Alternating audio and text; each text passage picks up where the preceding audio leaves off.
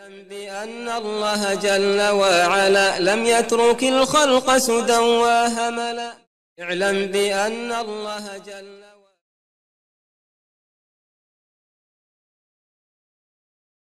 بسم الله الحمد لله الصلاة والسلام على رسول الله استعين بالله لا حول ولا قوة إلا بالله.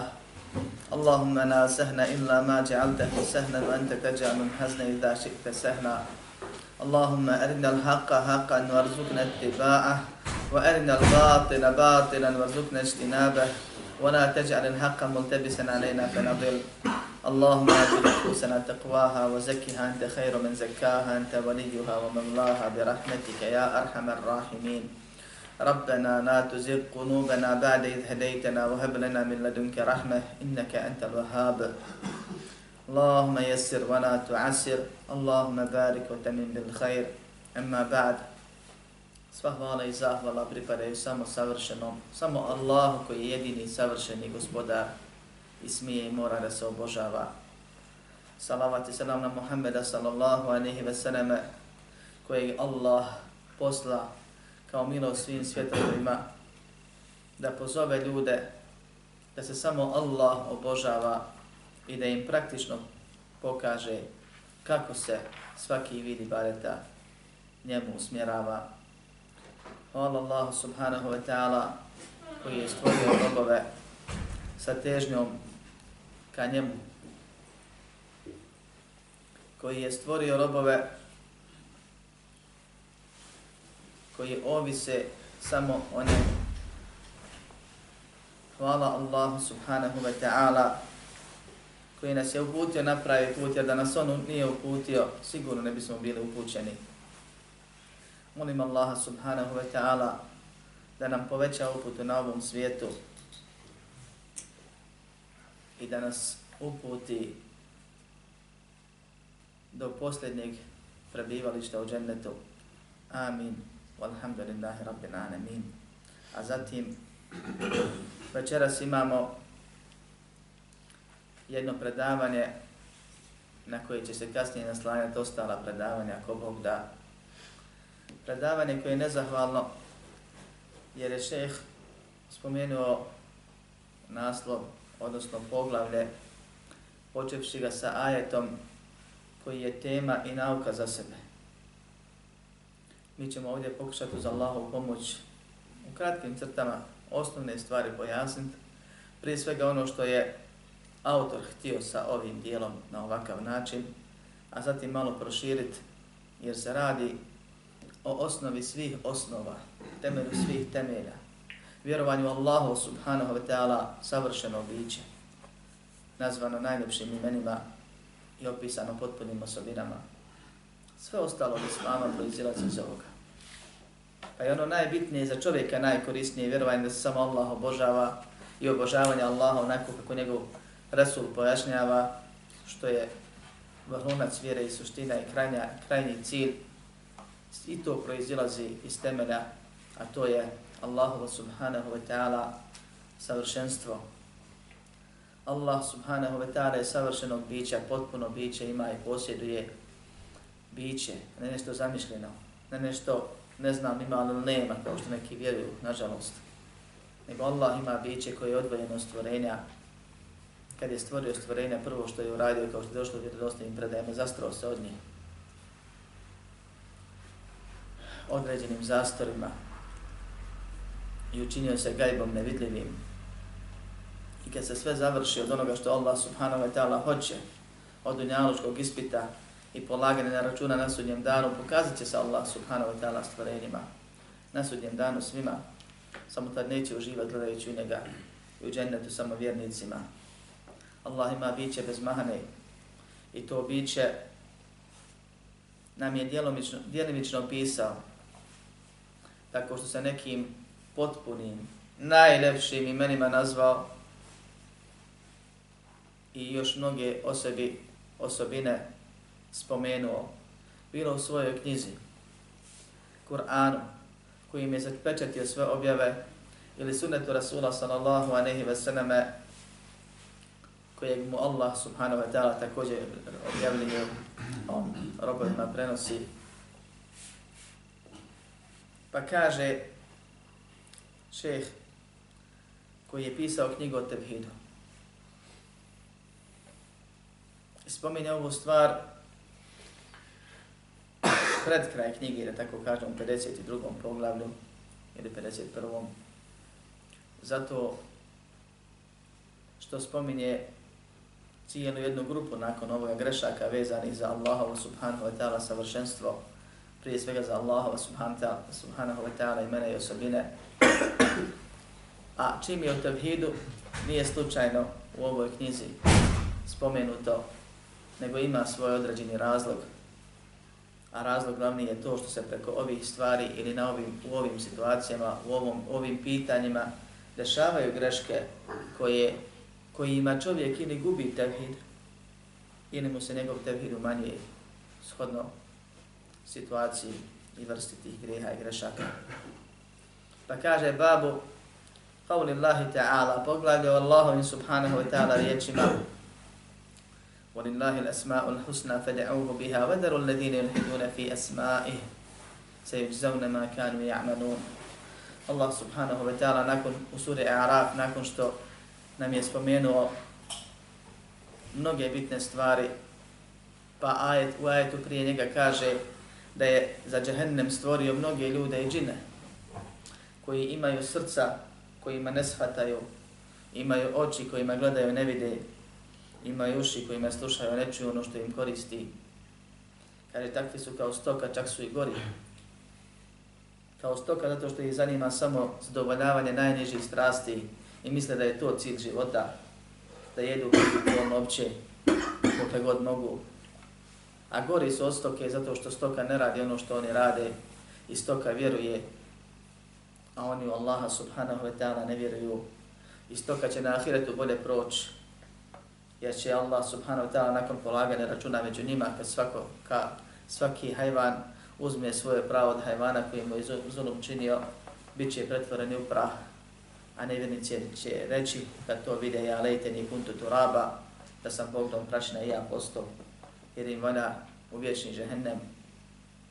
Razlog svega toga i njihovog stanja je ono što Allah subhanahu ta'ala na kraju ajte kaže ulaike humul gafilun, takvi su u gafletu, takvi su nemarni, takvi su nezainteresovani, u odnosu na ono što se od njih traži zbog čega su stvoreni. Nakon toga kaže Allah subhanahu wa ta'ala ono s čim je šeh počeo ovo poglavlje وَلِلَّهِ الْأَسْمَاءُ الْحُسْنَا فَدْعَوْهُ بِهَا Allah ima Lillahi Allahu pripada, Allah zaslužuje. I ovo je lam lil istihqa, kao što kaže Arabi. Slovo zasluge ili pripadanja.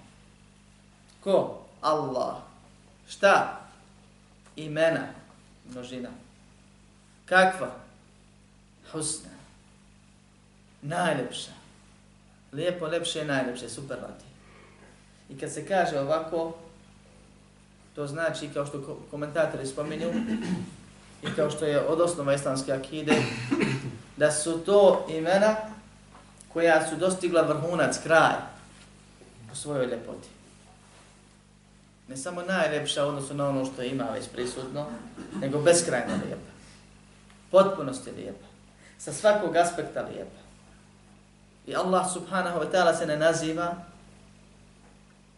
od strane robova nikako. Mi mu ne dajemo imena. Dok je Allah taj koji se robovima predstavlja tako što nas obavijesti o nekom svom imenu. I obaveštava nas Allah subhanahu wa ta'ala o mnogim drugim osobinama koja se nekome učine da su to i to imena. Pa robovi često pogriješe pa Allaha nazovu po nekoj osobini. Allah se nije time nazvao, nego se opisao tom osobinu. Pa je pripisao Allah ono što jeste od osobine, ali je pogrešio jer je Allahu pripisao ime. Allah je taj koji obavještava o svojih imenima. I ono što je zaista ime, to je prelijepo, potpunosti lijepo. Nema nikakve mogućnosti ni u samoj konstrukciji tog imena, ni u značenju da bude nešto drugo sam lijepo.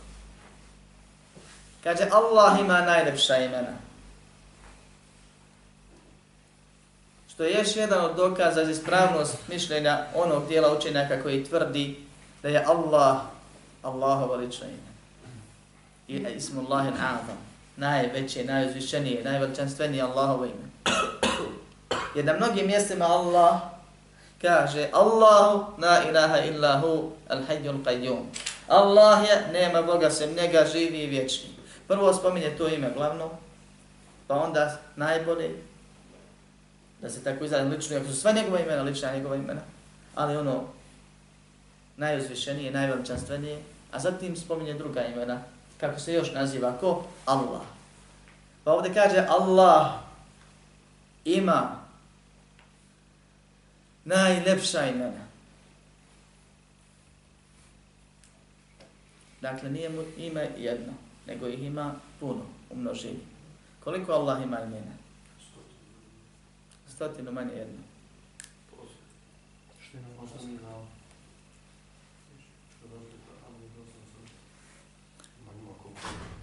Molim?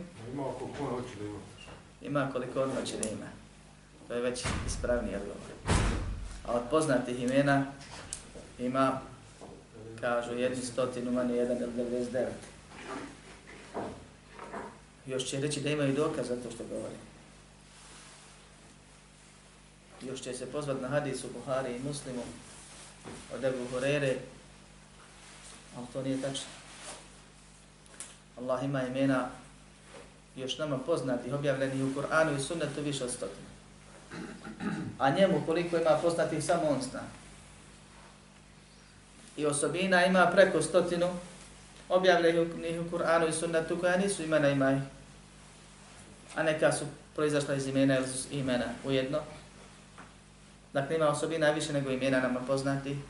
A koliko ih ima on, samo Allah zna. Poslanik sallallahu alejhi ve sellem znao ono što mi je objavljeno u Kur'anu i sunnetu i obavještava nas da će na sudnjem danu Allah ga nadahnuti novim stvarima preko kojih će Allaha veličati, to jest novim imenima i osobinama. Pa će kad bude tražio veliki šefaat, pasti Allahu subhanahu wa ta'ala na seždu i moliti ga tim dovama u koje sadrže ta imena koja su obuhvatnija od onih koje mi imamo na ovom svijetu, jer je Allah je ostavio za taj bitan moment. Pa će Allaha veličati i opet neće znat sve niti je moguće da neko zna sve o Allahu subhanahu wa ta'ala. Jer Allah je gajb i gajbom se učinio. I kaže ima mnoga imena koja su najlepša. Kad smo kod imena ima ih puno, a u hadisu koji je bliži Buhari i Muslim spominje se Allah ima 99 imena, stotinu manje jedno, koji ih sabere, pobroji i sakupi ahsaha, tako znači. Dehal od dženne, ući će u džennet. Pa se Holema kroz historiju trudila da od više od 100 imena proberu 99 imena, jer imena se međusobno u našem značinu na arapskom jeziku, u našem razumijevanju nekad prepliču oko nekih stvari. Pogotovo kad prevodimo. Dođeš u situaciju kad hoćeš da prevodiš, ako pogotovo dobro ne razumije onaj ko bukvalno prevodi, malo bolje od Google, ali nedovoljno dobro, na pet, šest imena mora prevesti na isti način. Tek kad malo uđe u učenje o značenju teh imena, shvati da svako ime ima dodatno značenje ili drugačije značenje u odnosu na prethodno. Ali opet nekako kad pokušaš da to uobližiš u rečenicu, više imena ukazuje na neka ista značenja, ne svaka svako ime ukazuje na jedno ili više značenja i tu se u nekim detaljima isprepliču. Pa Allah subhanahu wa ta'ala postavio kao ispit učenjacima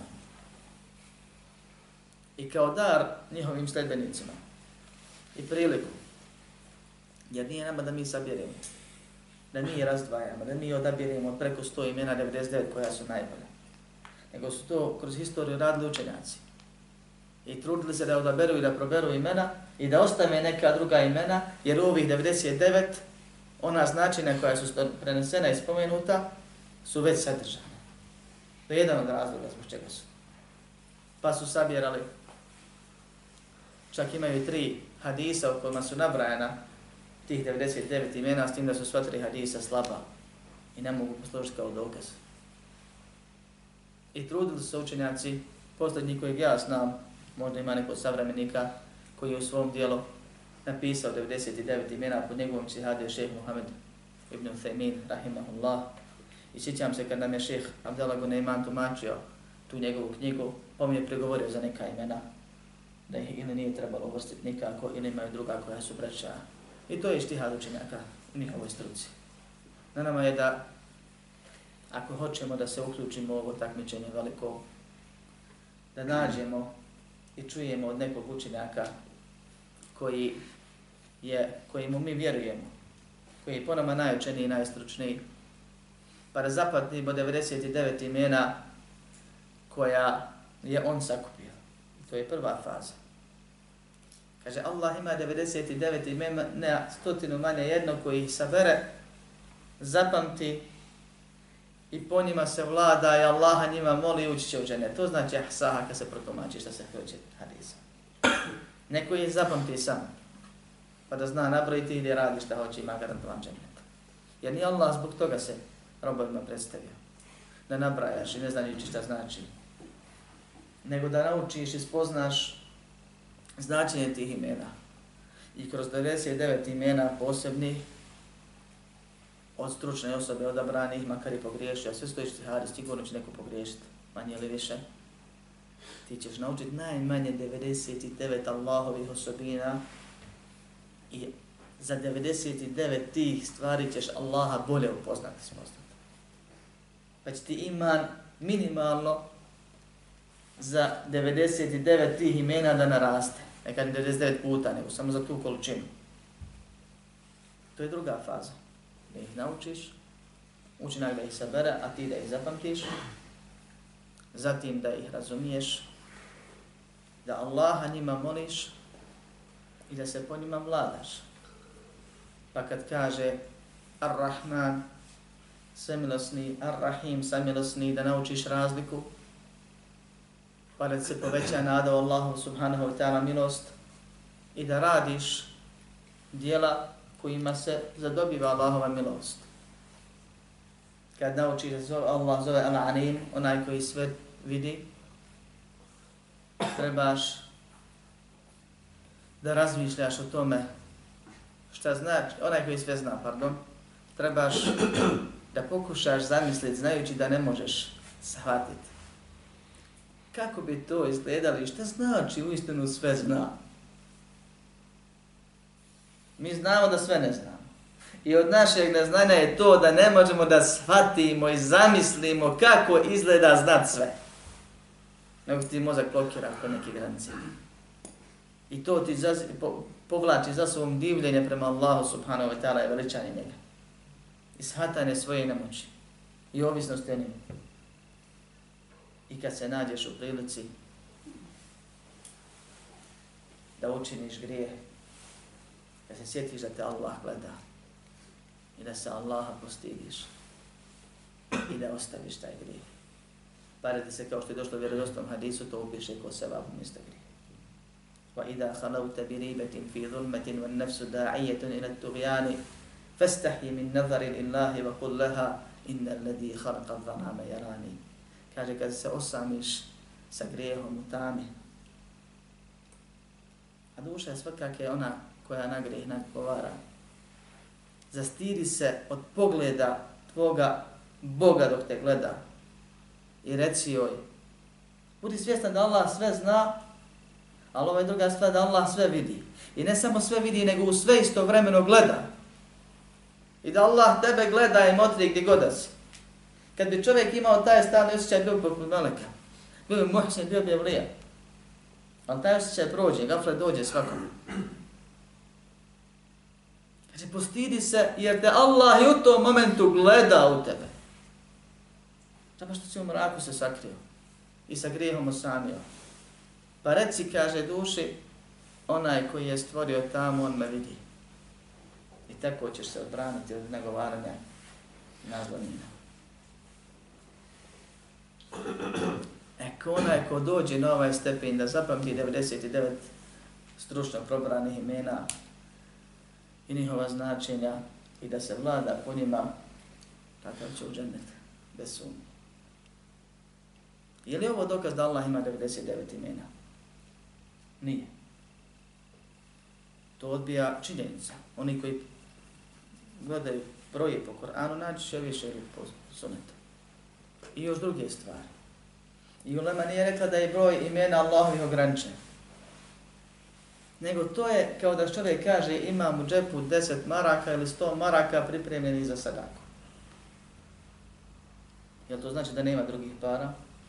Ne znači. Tako je Allah pripremio 99 imena i traži od nas da se trudimo da ih saberemo i naučimo i ko njih zapamti i po njima bude živio, ući će u dženet. Ili dva čovjek 100 maraka nudi kao nagradu ko nešto ostvari. To ne znači da nema drugih sto maraka. Ili manje ili više. Nego tih ko će dobiti onaj ko uradi ono što on hoće. Kao nagradu. I tako se razumije ovaj hadis. Od Ebu Hurere koji bliži Buhari i Muslim. U dva sahija. A ne kao dokaz da Allah subhanahu wa ta'ala ima samo 99 imena. To je manjkavost. Kaže Allah ima imena Al-Husna. Najljepša, lijepa, prelijepa, potpuna.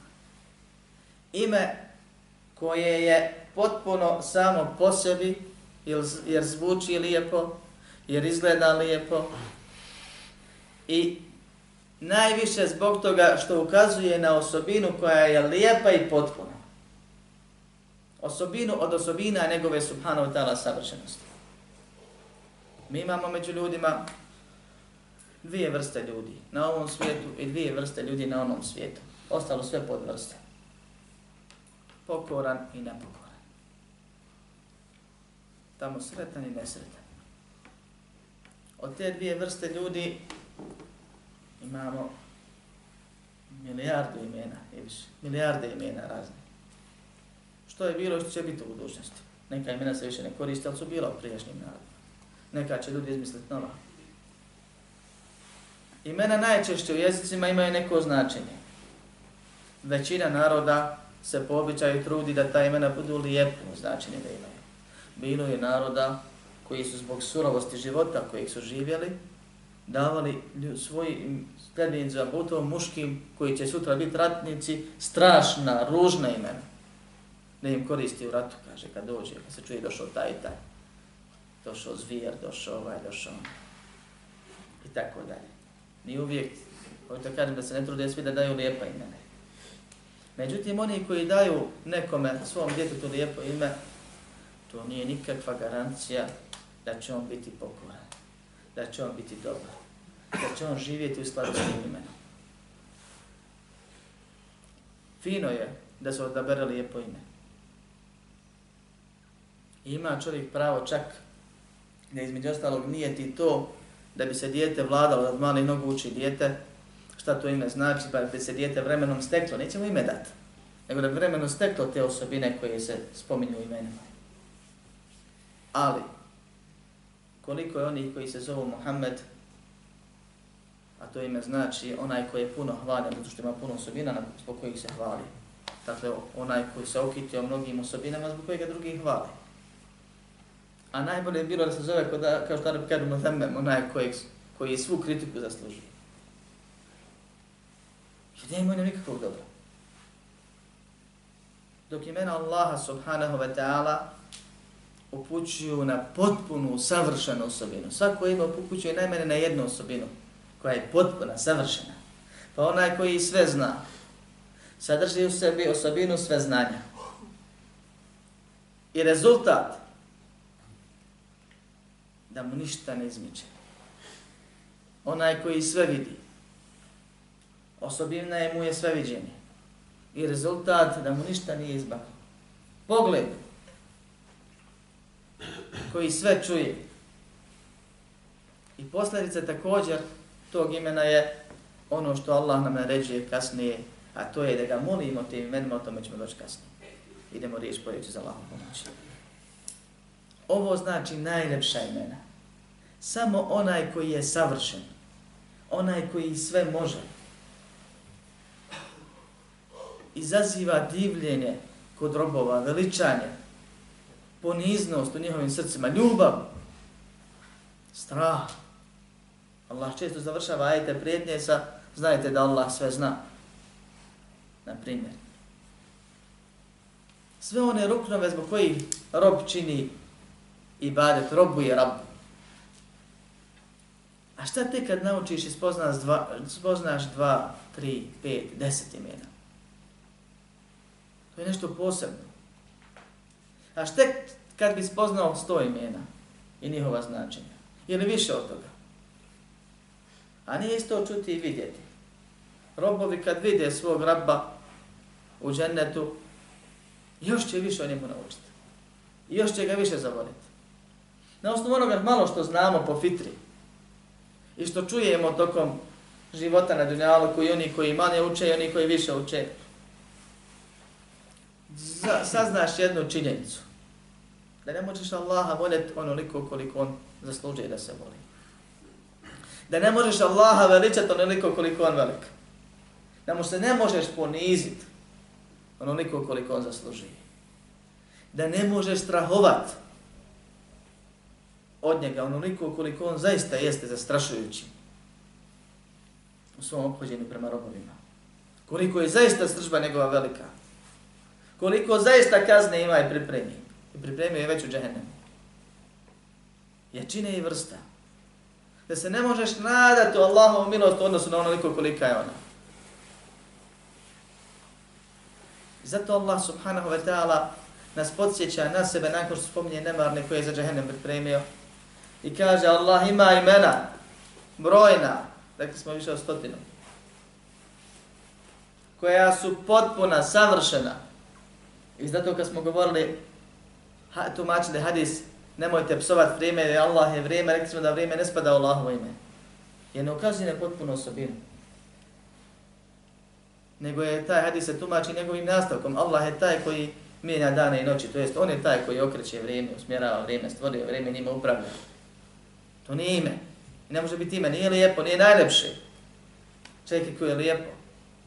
Ona osobina koja se može u nekim situacijama razumjeti kao negativna, se Allahu ne pripisuje osim kao ime, nego kao osobina i to u onom kontekstu kako je prenesena.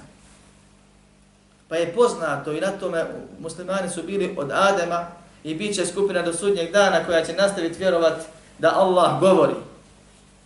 Govorom kako njegu, kako njemu, kako njemu dolikuje. Koji je savršen potpun. Međutim, Allah se ne naziva govornikom. Nego se opisuje kao onaj koji govori. Što? Zato što onaj ko govori može da bude brbljivac, može da psuje, može da laže i može da istinu kaže i da najbolje govori. Govornik samo značenje riječi govornik. I čim može i tamo imamo ne smije se. Nije potpuno. Potpuno lijepo, najljepše. A sva ostala imena Allahova kojima se Allah nazvao u knjizi ili sunnetu Muhammeda sallallahu alaihi wa sallam su potpuna. Tu su ostale osobine Opisuje se Allah kako njemu dolikuje, ali se ne naziva tako. I Allah kaže, فَدْعَوْهُ biha, molite ga njima, tim imenima. Dio učenjaka tvrdi, i tko tomači ovaj dio ajeta, veličajte ga tim imenima. I poznato je da je nam je propisan i tome nas uči Allah subhanahu wa ta'ala kroz Fatihu pa nadalje tevesul u dovi, a to je ne onako kako se obraduju neki kad čuju riječ, a ona će biti dokaz protiv njih na sudnjem danu, nego to je da se Allahu miljavaš prije nego što od njeg tražiš. I mnogo toga poslanika sallallahu alaihi ve selleme kao uvod u svom početku sadrže veličanje Allaha. Nabraja poslanik sallallahu alaihi ve sellem kad se Allah obraća neka njegova imena ili osobine i nakon određenog vremena zatraži, pa se desi da nakon pet ili deset imena traži jednu te istu stvar, jednu samo stvar. Ili dvije stvari. Pa je puno više veličao Allaha nego što e, ne ga tražio. I što više čovjek posveti uvod dove kad se Allah obraća, pogotovo u teškim situacijama, što više posveti time da spominje njegova imena i njegove osobine i njegove blagodati prema robu, to je veća šansa da ćemo biti udovoljeno i da će se Allah što brže njemu odazvati. Allah je al-Hakim, onaj koji je mudar, onaj koji sve stvari stavlja na svoje mjesto. Pa to što se Allah nije odazvao na vrijeme, po tvom mišljenju, ne znači da je Allah zakasnio. Nego Allah zna kad šta treba i kad je za tebe korisnije, i to ćemo se uvjeriti na ahiretu kad budemo nam presuđeno, da ono što nismo od Allaha dobili, tražili smo bolje za nas nego što, što nego da bismo dobili. Ili ono što nam je kasnije došlo nego što smo željeli, bolje za nas nego onda kad smo mi to željeli. Je savršen, ne griješi. Pa dio će kaže, fede oho biha, molite ga njima, to je svaličajte ga njima. Dio će kaže, ne, nego ga molite, tražite. O milostivi, smiluj mi se. Ne, o milostivi, svemilostni, samilostni, sveznajući, silni, mudri, pomozi mi. Ovo je prvo značenje. Što više imena upotrebi, što je propisano svakako. Samo naš se odnosi, tu je razilaženje. Jedno i drugo je propisano. U drugom kažu, moli ga tim imenima. I zato dio učenjaka kaže, moli ga onako kako dolikuje imenu kojeg spominješ. Treći učenjaci kažu, ajet podrazumiva jedno i drugo i to je najispravnije jer nema dokaza koji je razdvaja jedno od drugog. Da je od vjerovanja u Allahova subhanahu wa ta'ala imena praktična primjena tako što ćeš se paziti i nadat i voljet i strahovat i nekad nešto ostaviti, a nekad nešto uradit, onda kad se sjetiš nekog od Allahovih imena ili osobina s jedne strane, živjet po tim imenima, tako što ćeš Allaha subhanahu wa ta'ala veličat kad od njega tražiš što ćeš spominjati u vodu neka imena i tako što ćeš tražiti od Allaha subhanahu wa ta'ala njegovim imenima i njegovim osobinama. To je ona treća stvar. Ili druga u, u značenju ajete u razilaženju. Pa ajete obuhvata obje. I to je ispravno. Međutim, želim napomenuti jednu stvar ovdje, često ćemo slušati, jer to kao što je Allahov zakon na zemlji učenik, prepisuje od učitelja. I većina islamskih učenjaka je stavu da je bitno, potrebno, pa čak kažu da je nevalja suprotno, nije lijepo, pokuđeno, da se dovi Allahu nekim imenima koja nisu u skladu s onim što tražiš. Pa kažu, kad čovjek traži milost, treba da kaže ovo sve milostni, ovo sam milostni, smiluj mi se kad traži oprost, treba da kaže o ti koji mnogo praštaš, oprosti mi. Kad treba mu na faka o ti koji sve obskrblješ, jara za porzuhni, obskrbi me. I tako dalje. I kažu da suprotno tome nije lijepo. Drugi dio učenjaka jedan od mojih profesora je to zastupao i mnoštvo dokaza spominjao i praktičnim primjerima navodio i rekao da nema nešto što se zove dolikovanje, odgovaranje u dozivanju Allaha subhanahu wa ta'ala njegovim imenima i osobinama. Naprotiv, ono što ti se izgleda daleko, ono može da ima u potpunosti istu, možda čak nekad i jaču vezu nego ono što ti izgleda kao da je direktno. Je sve sto Allahove imena i sve sto Allahove osobine. Pa kaže, evo vam primjer poznati, kažu ti učenjaci, Allaha molite za milost njegovim imenom svemilostni i za oprost njegovim imenom Gafur, na primjer, onaj koji prašta. I oni navode primjere u svojim knjigama i kažu nije lijepo i nedolike je čovjek da kaže od ti koji žestoko kažnjavaš oprostine. Kao da je kaže otišao daleko. A upravo to, kaže šef, ima svoju vezu i svoju, svoje značenje. Shodno nije tu i svjesnosti i stanju osobe kad moli, kad odi. Osoba je počinila grije. I prvo što mu naumpadne nije milost, nego da valja fasovat, što bi mi rekli. Da si upravo sebi zaslužio i potpisao kaznu. tek onda ide vađenje, čupanje, izlačenje. Allah je sve milostan i Allah prašta i tako dalje, pa ideš da tražiš oprosta pa se kaješ i doviš. Pa kaže, kad bi rekao čovjek, o ti koji žestoko kažnjavaš, time kaže, priznaje svoju slabost, svoj grije, svoju zaslugu kazne tim grijehom, oprosti mi. To bi bilo i kako kaže u vezi. S obzirom da nema dokaza koji ograničava na jedno ili drugo, možemo slobodno reći da nema ograničenja i da shodno stanju čovjeka može da se upotrebi i ova i ona situacija. Allah najbolje zna.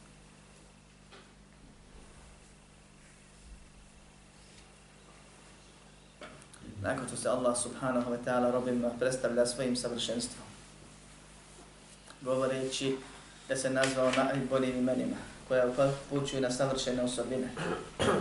I naređuje nam da ga molimo i veličamo.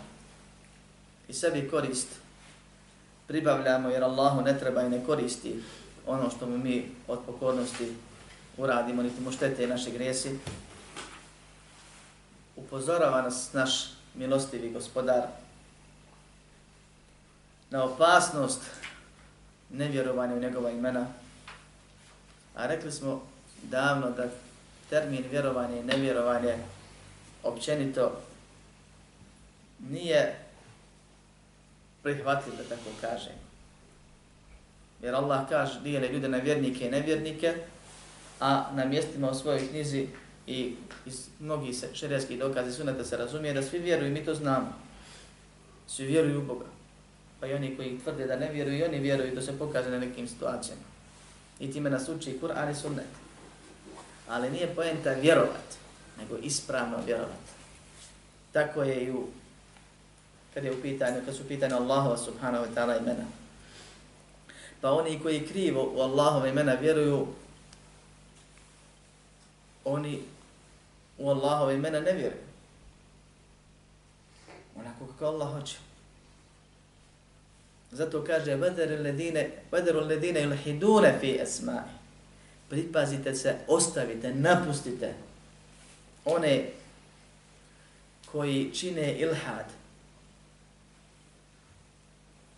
Najbolje bi se ovo moglo prevesti onako narodno koji fataju krivine po pitanju njegovih imena.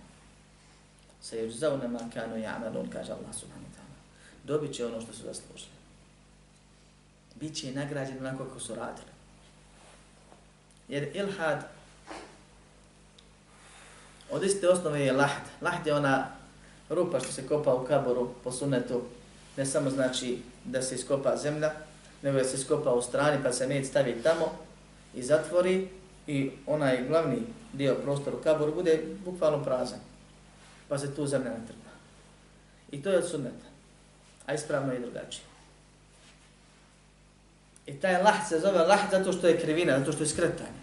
Ima kabur svoj prostor i jednom tamo negdje ga za, zatvori ga, što bi rekli. Skrenu, ne vidiš ga. Tako je ilhad skretanje po pitanju džade, puta, pravca kojeg je Allah postavio u vjerovanju Allahova imena i osobine. I ovo je bitno da se zna, zato što pojasnjeno jer doći neko reći nećemo se oko toga sad kačiti, razilaziti. To je nebitno, svi mi vjerujemo u Boga, svi mi vjerujemo, ja potvrđujem sedam, onaj komšija 14, vi potvrđujete sva imena, nema to veze. Svi mi vjerujemo, samo eto malo to mi različito tumačimo to što mi svi vjerujemo i što je Allah svoje milosti neka opravdanja postavio je samo opravdanje da se ne tekfirimo. A nikako nije opravdanje da se mi slažemo, jednako volimo i poštujemo po tom pitanju. Jer je to krupna stvar. Allah kaže, ostavite, napustite. Klonite se. Oni koji čine ilhad, koji skreću sa pravca kojeg Allah postoje u pitanju vjerovanja Allahova imena i osobine. I zato učenjaci spominju nekoliko vrsta i situacija nakon što spominju definiciju šta znači ilhad, ovo što je Allah spomenuo u Kur'anu i upozorio vjernike na to. Kaže, ilhad je svaki vid skretanja po pitanju jednog ili više Allahovih imena od onoga što je Allah htio tim imenom. Ko smije Allaha opisati? Samo onaj koji je vidio i ko poznaje. Koji je vidio Allaha? Nije niko. Kako znamo kako Allah, da kažem, izgleda i koje osobine ima? Na jedini, jedini način. Jer stvari se mogu znati ili da ih vidiš, ili da ti neko opiše na osnovu nečega što ti već poznaješ, što ti je slično. A ako dođemo u situaciju da postoji nešto čemu ništa nije slično, kao što je to slučaj sa gospodarom svetova koji kaže da je se mitrihi šej, njemu ništa nije slično, onda ostaje samo treći način, da dođe objavu. Da on o sebi kaže šta hoće. I mi vjerujemo onako kako smo čuli. Kao što vjerujemo u Allaha, moramo da vjerujemo u Allaha. Nema tu izuzetka i, i kao što vjerujemo u Allaha i vjerujemo da je on to rekao, u knjizi objavio, moram da prihvatim ono što je rekao. Većina ummeta danas ne prihvata to onako kako je Allah rekao. Nego radi neku od situacija kojom se izlazi iz okvira onoga što je Allah subhanahu wa ta'ala htio tom riječu. Tim terminom, tim nazivom, tim imenom. Pa je svaki vid pogrešnog svatanja, razumijevanja, tumačenja, negiranja, dodavanja, oduzimanja, ilhad, na kojeg je Allah subhanahu wa ta'ala upozorio. Šeheh je ovdje ciljao jednu stvar i zato u komentaru spominje dole kaže da je Ibn Abbas protumačio ovaj dio ajeta yulhiduna fi esma'i skreću po pitanju njegovih imena kaže sammu lata min al ilah wal uzza min al aziz. Tako što su kaže nazvali lata svoje božanstvo i uzzata od najvećih božanstava mušrika narodskom pojetu doba Muhammeda sallallahu alaihi sallam od dva Allahova ima, imena. Pošto su oni imali običaj da svoja božanstva nazivaju boginjama i daju im ženska imena, umjesto El Ilah, Bog, pravi Bog, on su rekli Lat, Božice, boginje. Ili El Aziz, onaj koji je svemoćan, između ostali značenja ovog imena, Al-Uzza, svemoćna. Pa su nazvali ta, te svoje kipove po imenima Allaha subhanahu wa ta'ala. Ko? Mušnici. Koji se njima molili zato što su im bo, božanske osobine pripisali. Pa su izvjere izašli, iako u Boga vjeruju. A dokaz je da vjeruju to što su im se molili, da bi, im oni, da bi oni Allahu približili. Pa im to nije opravdanje. I čovjek može sa pogrešnim razumijevanjem ili da kažem baratanjem sa Allahovim imenima izvjere izaći. Ili da, to bude razlog njegovog kufra i širka, kao što je slučaj sa mušticima. A ne ovo je samo jedan od vidova. I šeheh je to ciljao. A od Amaša se prenosi da je rekao yudhiluna fiha ma laysa minha. Dodaju Allahova imena ono što nije od Pa kažu sveti otac.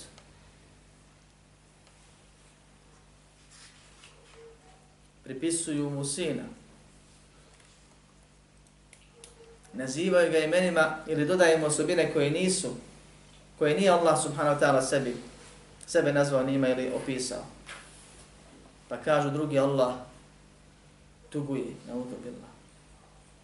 Plače kad se desava nešto njegovim robovima. To nije u islamu, nego u određenim drugim religijama. Pa se može preko ovih stvari izvjera izaći. A može se veliki grijeh i teški grijeh podnijeti. I zaraditi. Pa od, od primjera Elhada je to da se Allah nazove imenima koja, kojima se nije nazvao i automatski je čovjek uradio ogroman grijeh jer je u ime Allaha bez njegove dozvole govorio i opisao onim što njemu ne pripada, makar i pogodio. A teško da može pogoditi, govori o nečemu što ne poznaje, što niko ne poznaje. Ili da Allahovo ime i osobinu pripiše nekome ko nije Allah. Kao što su to radili mušici. To je veliko nevjerstvo. Također od vidova velikog nevjerstva po pitanju Allahovih imena je da čovjek da čovjek negira nešto od Allahovih imena. Kaže, ja ovo ne vjerujem. Ovo nije tako. Ili to su samo riječi bez značenja. Nema to nikakve osobine. Allah nije opisan nikakve osobine. Kao što govorili Džahmije i njihovi sinovi, unuci i pravnuci. Da izbacuje neke od Allahove imena kaže vjerujem ova, ne vjerujem ona. Ako bi čovjeku došlo Koranom i sunnetom vjerodostojim, a on zna da je to od Korana i sunneta, zna da je to istina, jedno Allahovo ime koje njema je to čudno onako, pa neće nek da vjeri izašao iz vjeri automatski. Je zanijekao nešto od objavi. I za, une, po, po, uznevjerovao je zato što ne vjeruje Allah u tom segmentu. Također od ilhada koji Allahovom milošću nije kufr, iako u osnovi je kufr, ali ima opravdanja, kao što je pogrešno tumačenje, je ono što rade oni kojima je razum preći od šerijeta, jači dokaz, kao što sami kažu, koji za selef, ashabe, tabine i tabi tabine kažu da su bili pokorniji, ali su oni kažu kasnije razumniji, pametniji i učeniji, jer su bolje neke stvari razradili. Pa Allahu potvrđuju dio imena, neki sedam, neki četrnaest, neki tridesetak potvrđuju Allahu osobine bića, a ne potvrđuju osobine dijela i tako dalje, od Ešarija, Maturidija, Kulabija i drugih. To je teška novotarija, jer imaju opravdanje za kufar, to je tevir pogrešno tumačenje i vižanje od kufra. Zato što rade po Allahovim riječima, lejseke, mitnehi, šeji, njemu ništa nije slično. Ali nikako da završi kako treba onaj ostatak ajeta, vahuva se nije on besir, on sve vidi, sve, sve čuje. Jer taj ajet je parola ehli sunnetu vel džematu, kako ispravno vjerovati u Allahu ime, u Allahu ime ne osobine. Svi se slažemo, i mi i oni da Allahu ništa nije slično. Ali Allah sebe naziva onim koji sve vidi i onim koji sve čuje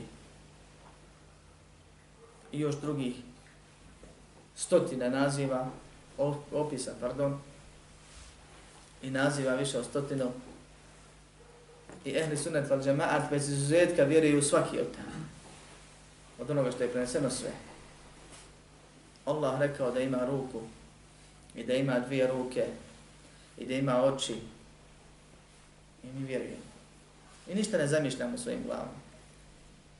Jer znamo šta? Lejse ke mitlihi šeji. Njemu ništa nije slično. A on sve vidi i sve čuje.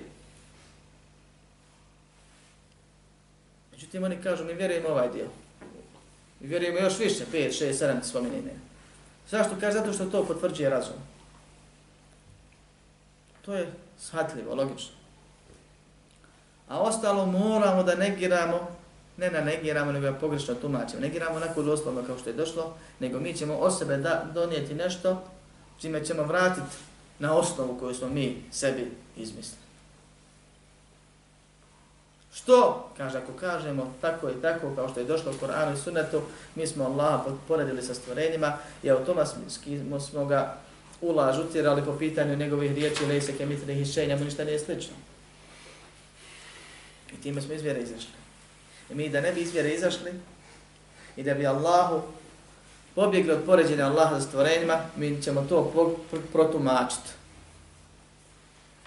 I Allah kaže ruka, a on pametniji se napravi pa kaže nije ruka nego moć, ili pomoć, ili davanje, obskrba, jer to ruka simbolizira to. Da mu pruži ruku spasa, da mu pruži ruku milosti, i tako da ga kazni rukom, ono što mi razumijemo iz simbolike o ruci. To je teška novotarija, teža, teško može biti, osim onih koji izvjer, izvjera automatski. To je krupna stvar. Allah kaže jedno i ti kažeš da Allahu, rekao si to, to ti ne negira. Al, ali curu kvari, pričao sam o tom primjeru. Dobra, fina, ovakva, onakva, al, i ova se odmah zaboravio ono prije. Samo čeka šta je al. Al, ja to ne mogu tako prihvatiti, nego moramo mi to malo protumačiti. Ostavite, napustite one koji tako radi, kaže Allah subhanahu upozorava nas na to. Jer je to teško. Da ne imaju opravdanja, to bi bio jasan kufr. Jer bilo je njihovih predaka koji su im pomutili i razum i vjerovanje, pa su oni malo ublažili ono što su prethodni govorili, koji su govorili ništa. Allah nema nijednog, nijedne osobine. I ime ne, uopšte nemaju znači, tu samo slova sastavljene, Allah i tako sastavio. Allah samo biće ima. I lema je redom protekfirila. Proglasila nevjernicima. Zato što su Allahu negirali ono što njemu pripada. Dok ovi nisu negirali direktno, nego misle da bježeći od kufra čine dobro, pa imaju opravdanje da iza, izvjere ne izađu, a ne opravdanje da, ispra, da, u smislu da ispravno vjeruju ili potvrdu. Allah subhanahu wa ta'ala prijeti i takvima. Da ih se pripazimo. Da ne budemo kao oni. Često mi je dolazilo kad učimo Allahu imenima i čitam i kad se u tebi stvori koje kakvih pozitivnih halova i poveća vjerovanje u svog gospodara, kako izgleda namaz onoga ko vjeruje u samo desetak, da tako kažemo, Allahovih imena i osobina. Kakav je život tog čovjeka ko, ko ne zna čemu je gospodar? Pa kaže, ne smijem reći da je gore, ni dole, ni lijevo, ni desno, ni tamo, amo, ni undar svijeta, ni van svijeta i tako dalje. To sam ja definiciju morao učiti kod na njihovim fakultetima. Nije Allah ni cijelina, jer je cijelina sastavljena od dijelova, nije ni dio, jer je podrazumijevala da mora imati cijelinu i ne znam nija tako neke stvari još. Kako on izgleda njegov namaz? Kako je to srce koje je šupljo, prazno, spoznaje svog gospodara? Kako izgleda sežda onoga nevjernika koji umjesto Subhane Rabbi al-A'la želeći da ugodi svojoj akidi rekao Subhane Rabbi al-Asfel? Umjesto neka je savršen, daleko od svake manjkovosti, moj svevišnji gospodar a ti na najnižem mjestu, najnižoj situaciji, on kaže moj najniži gospodar. Jer kod njega sve Allah i Allah sve i svudje i tamo amo i da bude u skladu. A seždu pokornosti i badeta mu čini subhanu. Uputa je blagodat na kojoj se ne možemo zahvaliti kad ne bismo čelo sa sežde dizali. I uputa je iskušenje koje Allah može uzeti onome ko se ne bude, koji ne bude cijenjen. Zahvaljujemo Allahu na uputi, jer nismo mi ovo zaslužili ničim. Zaista nas je Allah puno počastio. Molim Allah da nas uputi i učvrsti i sačuva svakog zla.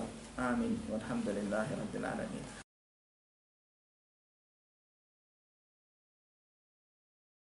اعلم بأن الله جل وعلا لم يترك الخلق سدى وهملا اعلم بأن الله جل